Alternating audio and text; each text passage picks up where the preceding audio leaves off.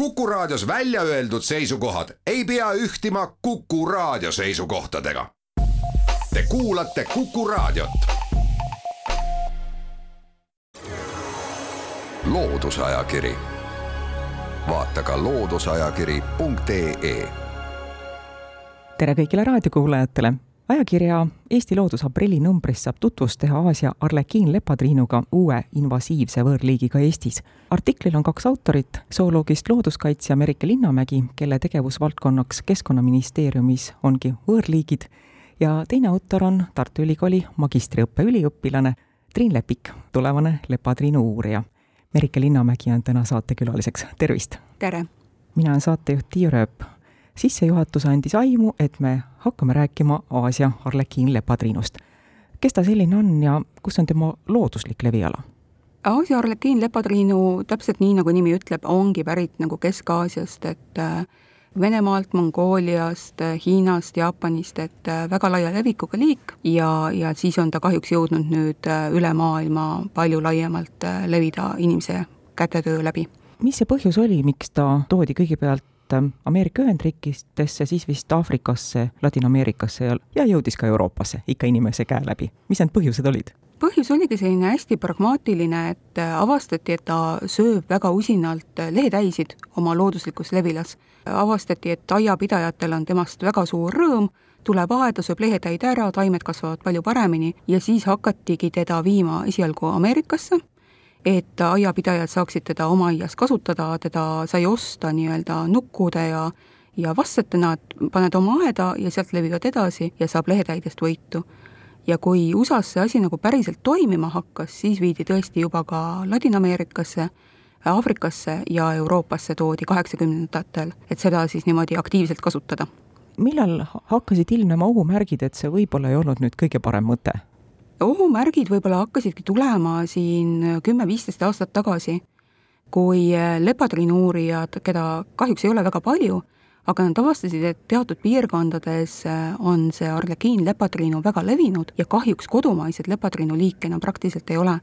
et esimesed sellised tõsised ohumärgid avastati Inglismaal, kus on tugevad uurijad ja, ja seal on sellist ka kodanikuteadust ja praeguseks on seal teatud piirkondades niimoodi et, et seitsekümmend protsenti leitud lepatriinudest on arlekiinlepatriinud ja mõned liigid on juba teatud piirkondades täiesti kadunud kahjuks seega me võime öelda, et arlekiinlepatriinu on hoiatav näide sellest, et kui ühte organismi soovitakse kasutada biotõrjes, siis tuleb asi väga hoolikalt läbi mõelda.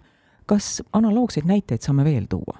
klassikaline näide on muidugi Austraaliasse viidud niisugused kärnkonnad, keda viidi sinna saagi kaitseks tsikaade ja rohutirtse ja, ja muud sellist ära sööma ja kes seal siis otsustasid, et nad söövad kõike muud, ei taha põllu peal elada, ja kahjuks nad on ääretult mürgised, et äh, kohalikud loomad, kes seal võib-olla tahaksid, näiteks kukurkuraadid või, või ka dingod, kes tahaksid siis seda konna süüa, nad kahjuks hukkuvad seal mürgi läbi, et, et see on selline hästi dramaatiline näide, kus biokontroll on täiesti valesti läinud.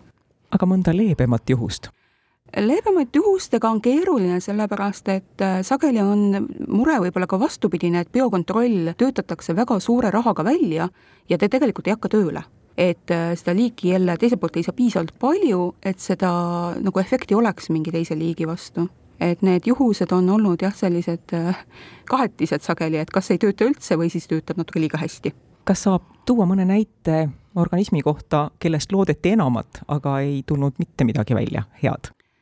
Jah, võib-olla küll, et äh, verev lemmalts on selline taim, mida on ka näiteks Eestis kasvab, ta on võõrliik meie jaoks ja ta on väga suureks probleemiks paljudes Euroopa riikides ja Inglismaal üritati leida talle lahendust ka loodusliku vaenlase näol ja tema kodumaal on sellised roosteseened, mis elavad lehtedel ja ei lase taimel väga suureks kasvada, on väga tõhusad ja seda siis Inglismaal ka testiti väga palju aastaid ja, ja lasti ka loodusesse, aga kahjuks looduses ei olnud eriti sellist tõhusat äh, mõju ega see roosteseen ometi ei kolinud mõne teise organismi peale elama? antud juhul õnneks jah, valesti ka ei läinud, noh, kasvuhoones töötas ja looduses no ei läinud nagu kasvama kenasti. Euroopas teine väga vahva näide on vesihüatsint tegelikult. veetaim äh, katab kõik veekogud ära, ei saa enam ujuma, ei saa paadiga sõita, selline hästi invasiivne asi, meie kliimas õnneks ei ela. aastaid on otsitud biotõrjevahendit, katsetatud erinevaid asju, mitte miski ei ole mõjunud ja siis üks aasta ilmus Hispaaniasse täitsa juhuslikult ilmselt noh, ka mingite kaupadega või kuidagi, väike kärsakas ja sõi ühe järve põhimõtteliselt puhtaks. ei mingeid riskihinnanguid, lihtsalt kusagilt tuli, me ei tea, kust ta tuli, Ladina-Ameerikast ilmselt kuidagi sattus kaubaga ja töötab au ja kiitus kärsakale. au ja kiitus kärsakale, aga kas kunagi tulevikus mingisugune pahandus sellest veel tulla võib, noh, ei oska arvata. loodame parimat. jah, täpselt, loodame parimat. kas Eestis on müüdud Arlekiin lepatriinut? Minu teada mitte. aga kuidas ta meile sai? no meile kahjuks äh, ilmselt levis ta Kesk-Euroopast, äh, kus teda Kesk-Euroopa riikides müüdi ja seal ta siis äh, hakkas järjest rohkem looduses paljunema ja, ja see liik lendab päris hästi, siis teda leiti järjest meile lähematest riikidest, oli juba Leedus, oli Lätis, oli Soomeski, et, et me olime nagu viimane riik, ilmselt on ta meil võib-olla natuke kauem olnud, kui me ise teame, et et me oleme nagu ümber piiratud lepatriinudest juba, juba mitu aastat. Millal märgati Eestis esimest korda Aasia arlekiin lepatriinut? esmaleid oli tegelikult eelmise aasta suvel, juulikuus Tartu linnas Veerikul ja see leid jäi selles mõttes nagu natuke märkamata, et äh, selle liigi leidja palus määramisabi ja nad ei jaganud nagu ära, et midagi uut ja huvitavat on, nad teadsid küll, et see on see arlekiin lepatriinu, aga nagu ei taibatud, et see ongi esmaleid, et nagu mitu kuud läks aega, enne kui siis keegi ära jagas, et ohoh, et midagi täiesti uut on Teie artikli ajakirjas Eesti Loodus on väga hea fotomaterjal juures, et kui ajakirja vaadata, siis saab sealt selgeks, kuidas näeb välja Aasia arlekiin lepatriinu. raadios on meil raskem anda soovitusi, aga mõned lihtsad nipid, mida vaadata, et ära tunda ja liigi määramine ongi tegelikult hästi keeruline, et, et sellest võib-olla alustakski, et ta võib olla selline tüüpiline punaste kattetiibadega, millel on siis üks kuni kakskümmend üks täppi, et ääretult varieeruv ja võib ka olla siis süsimust äh, kahe või nelja punase täpiga, et hästi varieeruv, aga mida nagu vihjeks ütleks, suhteliselt suur, et kui inimesed tunnevad meie seitse täpp lepatriinut, kes on selline seitse-kaheksa millimeetrit, üks meie suurimaid, sama suur, et kui ta on suurt kasvu lepatriinu, siis võib juba kahtlustada, ja ees-selja peal on tüüpiliselt selline M-täht. Et see nagu aitab ära tunda, et valgel põhjal nagu must M-täht või kui teistpidi keerata, siis kaks siis V, et et see võiks aidata. küsin teadlikult lihtsameelse küsimuse. Aasia loomakene tuleb mõni karmim talv ja oleme lahti tast. miks see nii ei lähe ei lähe sellepärast, et nad on väga kavalad, kui, kui noh, nii-öelda võib-olla sõnu suhu panna lepatriinule, et nad üldiselt talvituvad hoonetes, et tulevad tuppa, tulevad keldrisse, tulevad igasugu abihoonetesse. Ja võib-olla üks asi, millega järgi ära tunda, et sageli inimestel ongi aknalaual talvel või akna vahel lepatriinu, et ilmselt paljud meist on näinud seda, need lepatriinud kipuvad tuppa tulema sadade ja vahel isegi tuhandetena. et kui selline masskoloonia kuhugi aknalauale või laenurka tuleb, et siis tasub kahtlustada, et on Aasia lepatriinu.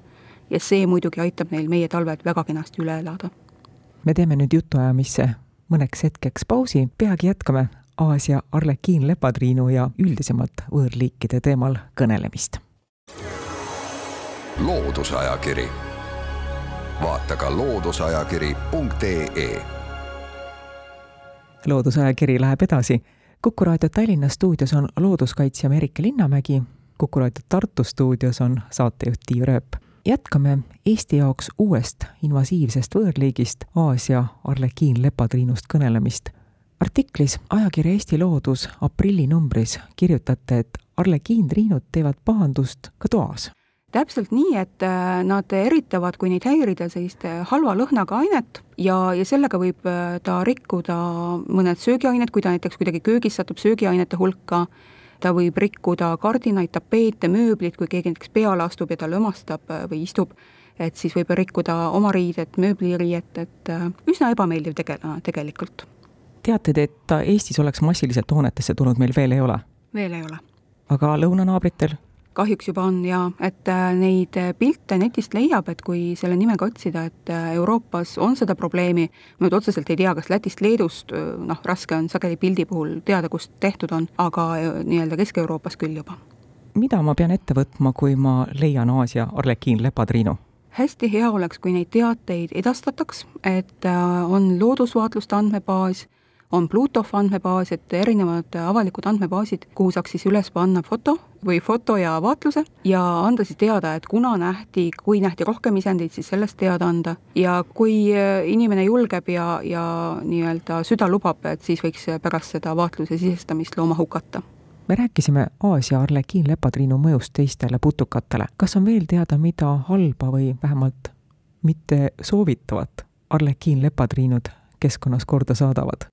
Jaa, et, et kui ma ütlesin, et ta teistele lepatriinudele teeb liiga, et ta tõrjub tegelikult siis teised lepatriinud välja sellega, et kas ta sööb nende söögi nii-öelda nina alt ära, hõivab need taimed, kus nad on, aga ta teeb ka laiemat pahandust, et äh, sööb erinevaid putukaid, võib süüa näiteks liblikaröövikuid, mis võivad inimestele meeldida, need liblikad, ja lisaks sellele siis äh, üks suurimaid mõjusid võib-olla majanduse mõttes on see, et ta kahjustab puuvilju, aga ka marju ta sööb neid sügisel, kui lehetäisid on juba vähem, siis ta koguneb äh, eriti Kesk-Euroopas viinamarjakobaratele, Eestis ilmselt näiteks äh, õuntele, pirnidele, ploomidele puu otsas ja sööb neid. ja kui siis neid äh, vilju korjatakse söögiks või mahla tegemiseks, siis tuleme jälle selleni, et neil on need ebameeldiva lõhna ja maitsega ained, et kui kogemata siis lepatriinu katki pressitakse näiteks mahla pressimise käigus või, või lihtsalt neid vilju kogudes nad eritavad neid aineid et siis see rikub kogu selle söögi maitse, et see on väga suur probleem. kas mõnes riigis tegeletakse ka aktiivselt arlekiinlepatriinu tõrjumisega? mitte nüüd üleriigiliselt, aga Vahemere maades, näiteks viinamarjakasvandustes tõesti tegeletakse nii keemilise tõrjega, kui siis alternatiiv on see, et need viinamarjad või siis muud marjad, mida seal kasvatatakse, asetatakse selliste raputitele et nad raputatakse nendest eh, siis lepatriinudest täiesti puhtaks. et need lepatriinud siis nagu võre vahelt kukuvad läbi, marjad jäävad ülesse ja siis saab nii-öelda puhta saagi. aga see on lisakulu ja see on lisatöö muidugi. kas on märke ka sellest, et selline tõrjumine võiks anda pikemaajalist efekti, et mingil hetkel nad saavad eh, viinamarjakasvatused puhtaks arlekiinlepatriinust või ta on tulnud Euroopasse, et jääda, toodud Euroopasse, et jääda? Praegu tundub, et ta on toodud Euroopasse, et jääda, et ühtegi sellist tõhusat vahendit, mis mõjuks ainult sellele liigile, ei ole, sellepärast et ükskõik mis tõrjevahendid, mis meil praegu tegelikult olemas on, need tõrjuvad ka looduslikke liike, et, et meil ei ole sellist asja, millega me saaksime ainult selle liigiga tegeleda. ainus, mida mm. öelda, ongi, et, et kui avastada neid talvitusmasskogunemisi ja neid hävitada, siis muidugi on kevadel noh, probleem palju väiksem Teie tegevusvaldkonnaks on võõrliigid. kas on lisaks arlekiinlepatriinule veel mõni selline liik, kellele hea meelega pööraks praegu tähelepanu, kutsuks üles inimesi märkama ja, ja tegutsema? no praegu kevadel on muidugi täiesti õige aeg hakata oma aeda ette valmistama juhuks, kui on olemas teil võõrteod, mustpeanälkijas, lusitaania nälkijas või ehk lusitaania teedigu et siis praegu oleks just õige aeg, et äh, otsida, kas kuskil juba esimesed teod paistavad ja neid hukata, enne kui siis suvel probleem väga suureks läheb, et praegu on selline täpselt aia ettevalmistuse aeg ja, ja see oleks õige hetk tegutseda. võõrtigude arvukusele ja levimisele ei ole me piiri ette saanud kas see on üldse võimalik? kahjuks ilmselt ei olegi võimalik, et äh, inimesed, kelle piirkondades veel ei ole tasuks üle vaadata kõik istikud, mis ostetakse, et lihtsalt endale koju aeda mitte tuua, naabritele sellest rääkida ja, ja kui juba kohapeal olemas on, et siis aitab ärakorjamine, aitavad ka nii-öelda teotõkked, vaskplekist, tsinkplekist teotõkked, mida saab panna kas kogu krundi ümber või näiteks aiamaa osa või mõne peenra ümber ja siis saab nii-öelda seest tühjaks korjata, aga mingeid tõhusaid lahendusi kahjuks siin ka ei ole.